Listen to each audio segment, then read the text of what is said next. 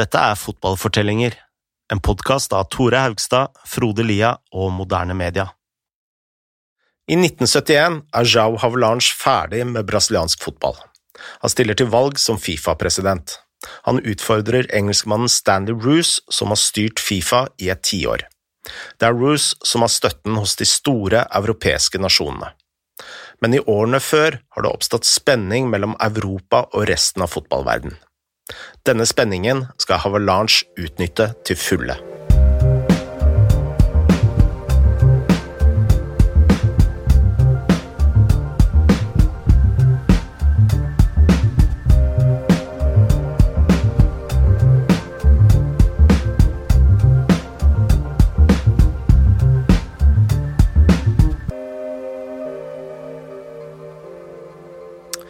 Om vi skal forstå hvorfor Havelange vant valget som Fifa-president i 1974, må vi vite litt om eh, både historikken til Fifa og verden generelt.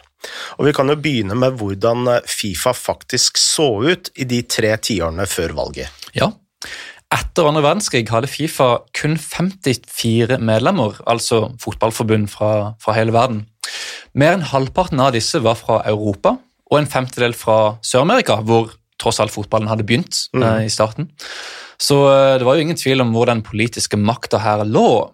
Men innen 1974 så hadde Fifa vokst til 140 medlemmer. Nå sto Europa og Sør-Amerika for mindre enn en tredjedel av alle medlemmene kombinert. Og hva hadde skjedd her? Jo, det hadde dukket opp langt flere nasjoner i verden. Og nesten alle disse nye nasjonene var fra enten Afrika eller Asia.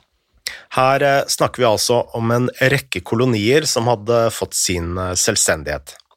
I løpet av disse årene hadde flere stormakter fra Europa trukket seg ut av sine imperier, som eh, for eksempel India, Pakistan, Malaysia, Indonesia osv. Alle disse blei jo fort med i Fifa. Ja, og, og, nøkkelen her er jo med hensyn til presidentvalget, da, er jo at alle medlemmer i Fifa har én stemme hver. Um, stemmen til Malaysia eller Indonesia eller en liten øynasjon veier like tungt som, som den til f.eks. England, som fant opp spillet. Mm. Med andre ord så hadde den eh, politiske makten internt i Fifa flytta seg fra Europa til eh, steder som Afrika og Asia. Mm. Og kort sagt så kan man jo si at verden generelt hadde endra seg veldig i løpet av disse årene, og, og, det krevde jo en organisasjon på toppen av fotballpyramiden som, som tilpassa seg disse endringene. Men uh, Fifa da, de, de, hadde ikke klart dette. Um, selv om fotballen liksom stadig vokste, kraft, vokste kraftig, og, og, og sånn, så, så, gjorde Fifa lite annet enn å liksom, ja, skifte papirarbeid rundt forbi og liksom fikse administrasjonen da, for at VM skulle holdes hvert fjerde år. Uh, det var egentlig hele jobben de, de hadde. Og dette var mye på grunn av Stanley Bruce, som var en veldig konservativ engelskmann. Han hadde vært eh, sekretær i det engelske fotballforbundet siden 1934, og så fotball som en sport som burde holdes fri for eh, både politikk og forretninger. Så selv om eh, tilskuertallene og TV-interessen rundt VM hadde eksplodert, prøvde ikke Fifa å å tjene på, på fotballen som, på samme måte som vi kjenner, kjenner, i dag. Nei, eh, og dette hadde jo ingen umiddelbare konsekvenser for Roos. Um, altså, Fifa tok ikke direkte skade og ikke liksom cashe inn på fotballens popularitet, men det som var et problem for Roos, var at den politiske innflytelsen var i ferd med å forsvinne fra Europa, hvor han hadde støtte fra alle de tradisjonelle stormaktene. Det hjalp heller ikke at Roose ehm, ja, ikke så ut til å forstå seg eller ha sympati med de andre nye og kanskje litt fattigere nasjonene. Og Det som virkelig virkelig skulle felle han, mer enn noe annet, var apartheid. Apartheid eh, begynte i Sør-Afrika i 1948, som sikkert eh, de fleste vet, og fikk eh, ganske fort konsekvenser innen fotballens verden. I 1957 ble Sør-Afrika nektet eh, deltakelse i Afrikamesterskapet. Litt senere ble de kastet ut av Det afrikanske fotballforbundet, og i 1961 ble medlemskapet i Fifa suspendert. Men samme år ble Roos president. Han dro selv ned til eh, Sør-Afrika, og utrolig nok konkluderte han med at eh, det sørafrikanske fotballforbundet, som eh, kun besto av hvite menn, kunne representere landet i Fifa. Ja. Så med andre ord, man kunne ikke tjene penger på fotballen, men det å være rasist, det var helt ok. Ja, helt uh, legitimisere et, et rasistisk regime, det var, det var greit for Louis. Um, og du kan jo tenke deg hvor populært dette var i resten av Afrika. Uh, Bruce ble jo lagt for hat her, nærmest et helt kontinent. Um, men så virker det ikke som om Bruce satte Afrika særlig høyt på sin agenda uansett. Um, til VM i 1966 i England hadde Afrika, altså enorme kontinentet Afrika med så mange nasjoner, ingen direkte kvalikplasser til VM. Altså, altså, Den ene vinneren av hele kvaliken i Afrika måtte ut i en playoff mot mesterne fra Asia. Og uh, De afrikanske nasjonene de var ikke forberedt på å bare sitte her og akseptere dette. De, de boikotta hele kvaliken, uh, og det betydde at ja, det var ingen lag i, fra Afrika som deltok i VM i 66. Roose eh, klarte ikke bare å få Afrika imot seg. Tidlig på 70-tallet dukket han også opp på en konferanse i regi av CONCACAF, altså fotballforbundet for Sentral-Amerika, Nord-Amerika og de karibiske øyer. Der eh, klarte han å snakke åpent om eh, all korrupsjonen som eh, foregikk i, i regionen. Og igjen eh, fikk han eh, mange uvenner, og innen valgkampen var i gang, tidlig på 70-tallet, hadde Roos store deler av fotballverden mot seg. Ingen, eh, ingen mesterlig diplomat, Roos, kan vi vel trygt si. Um, og, dette, og, det virker som om man ikke skjønte at, at, um, at verden hadde endra seg, og at disse nasjonene, da, som kanskje ikke var like rike og velstående som England og Frankrike og Tyskland, var veldig viktige for en, for en president i Fifa. Uh, og Dette åpna jo døra da for en, en utfordrer. Men selvfølgelig, altså, samtidig så var jo Roos en tungvekter innen internasjonal politikk. Han hadde vært der lenge. Uh, han hadde veldig mange viktige kontakter.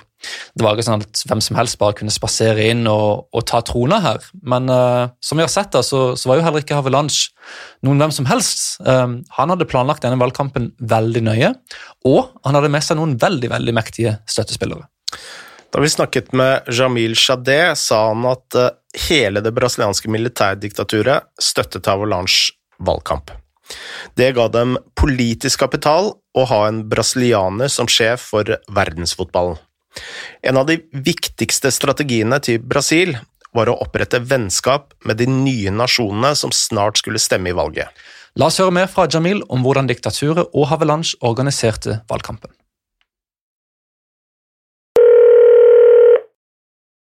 there were a couple of things. The first, the first one was basically to get not only the generals involved in Brazil, but the big, uh, the big, uh, let's say, uh, businessmen of Brazil also to invest in Avalanche campaign.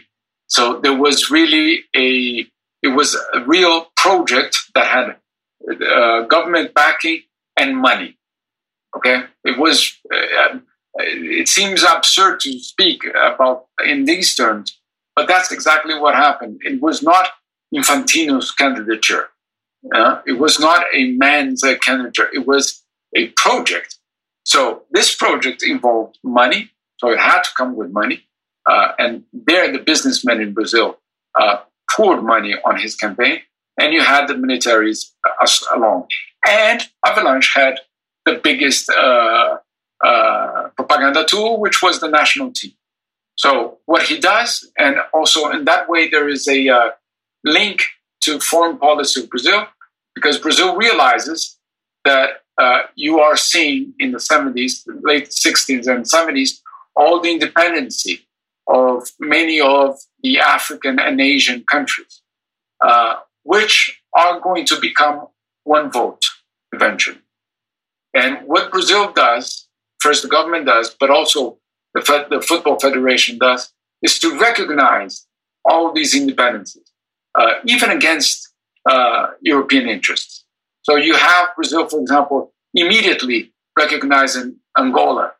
Uh, you would say, how could that be? Because uh, uh, Portugal had a dictator, right wing dictator. Brazil had a right wing dictator. Would be almost natural to think that they would stick together and not recognize Angola. But no, for Brazil, it was much more interesting to get Angola on his, his side.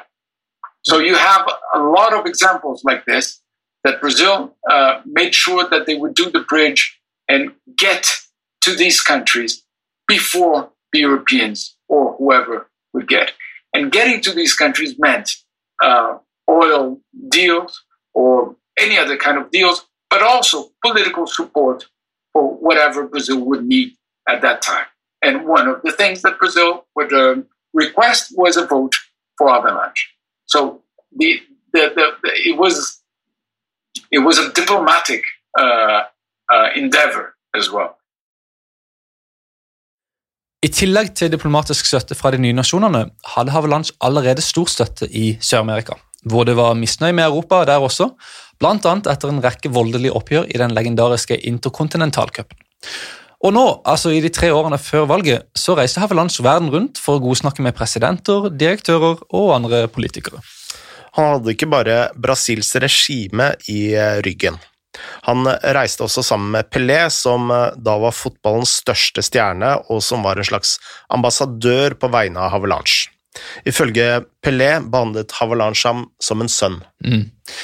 Ingen var like flinke til å skaffe seg venner og tjenester som Havelange. Eh, vi snakka jo i første episode om hvor flink han var til liksom, sånn networking. da, mm.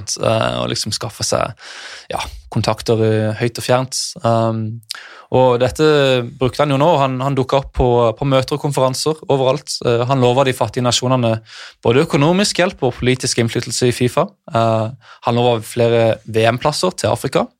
Faktisk vil han utvide VM fra 16 til 24 land, noe som betydde flere plasser til regionene hvor alle stemmene lå. Så alt det her var veldig veldig smart og veldig veldig kalkulert. Havelange lovet også å kaste Sør-Afrika på hodet og rumpa ut av Fifa, kan jeg si det? Ja, du kan det. Eh, et annet populært løfte var opprettelsen av eh, et U20-VM. Dette mesterskapet ville være et offisielt VM, men var samtidig lite nok til at de mindre nasjonene kunne arrangere det. Dermed kunne land som Japan og Tunisia plutselig drømme om å holde sin egen turnering. Mm. En annen smart idé Havelange hadde, var å ja, arrangere sin egen lille fest i, hjemme i Brasil. I 1972 inviterte han 20 land til Brasil, med alle utgifter betalt, selvfølgelig, for å spille i en turnering kalt The Brazil Independence Cup, som skulle markere 150-årsdagen siden Brasil fikk sin selvstendighet. Og eh, så jeg eh, var ikke der sjøl, men eh, sånn, sett i etterkant så virker dette som en litt sånn morsom turnering. Han var jo ikke offisiell, så Avalanche kunne gjøre som han ville. Så, eh, og, altså, Med 20 lag da, så skulle man jo tro at, at altså, det, går jo opp logisk sett. så Du har fire grupper med fem lag, eller fem, grupp, fem grupper med fire lag. Men av en eller annen grunn så, så ville Havelanche ha tre grupper i første runde med fem lag hver. Det betydde jo at fem lag ikke spilte første runde i det hele tatt. Uh, og Havelands han bare sa at nei, disse her sender vi rett videre til, til andre runde, uten noen åpenbar forklaring. Og en av disse lagene var jo selvfølgelig vertnasjonen Brasil. Turneringen gikk eh, tilsynelatende etter eh, planen for eh, Publikum strømmet til arenaene for å se Brasil, som passende nok slo Portugal 1-0 i finalen, som er kanskje hatlag nummer én for Brasil, ved siden av Uruguay og Argentina. Mm. Men den virkelige fortjenesten for Havelange var all den politiske innflytelsen denne turneringen ga ham. Like før valget pressa Havelands virkelig klampen i bånn. Uh, kun i 1974 skal han ha besøkt 86 land. Men da Fifa-kongressen gikk av stabelen det året, i Frankfurt like før VM i Vest-Tyskland, så trodde fortsatt Rosleiren at de kom til å vinne valget. Det skulle vise seg å være veldig feil. Da stemmene var talt opp, sto Havelange med 68 stemmer mot Roos sine 52. La oss eh, høre mer fra Jamil Shadeh. It causes a major surprise, uh, but it, it, was not for the winners. The winners were, and I, I, I do talk to people that were still involved there, and they said we were surprised how they were surprised that they lost because for us it, at one point it became very evident that we were winning by far uh, because they would go around the world and they would visit all these capitals in developing countries, etc. And for them, it was very clear that this was going to happen. And uh, you probably know, brother, you probably, maybe you have seen this picture. When, when Stanley Rose uh, loses, um, it's the, it's, the, it's the FIFA Congress no, that is happening uh, just before the World Cup in Germany. And Avalanche wins. And they did not even provide a seat for Avalanche on stage because they did not prepare for that. They were not prepared for having a defeat of Stanley Ross. So they put, and there's this picture that was quite incredible. They put a little chair just next to the tables, and there's the, the, the huge avalanche sitting very, uh, uh, you know, uh, in a way, very, very strange position.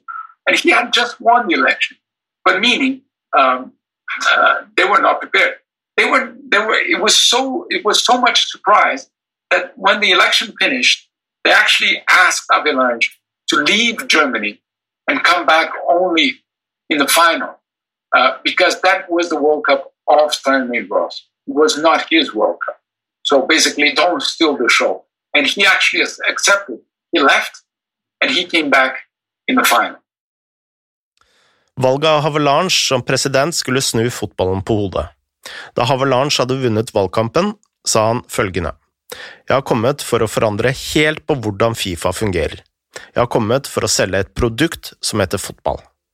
Det var to løfter som Havelange skulle holde.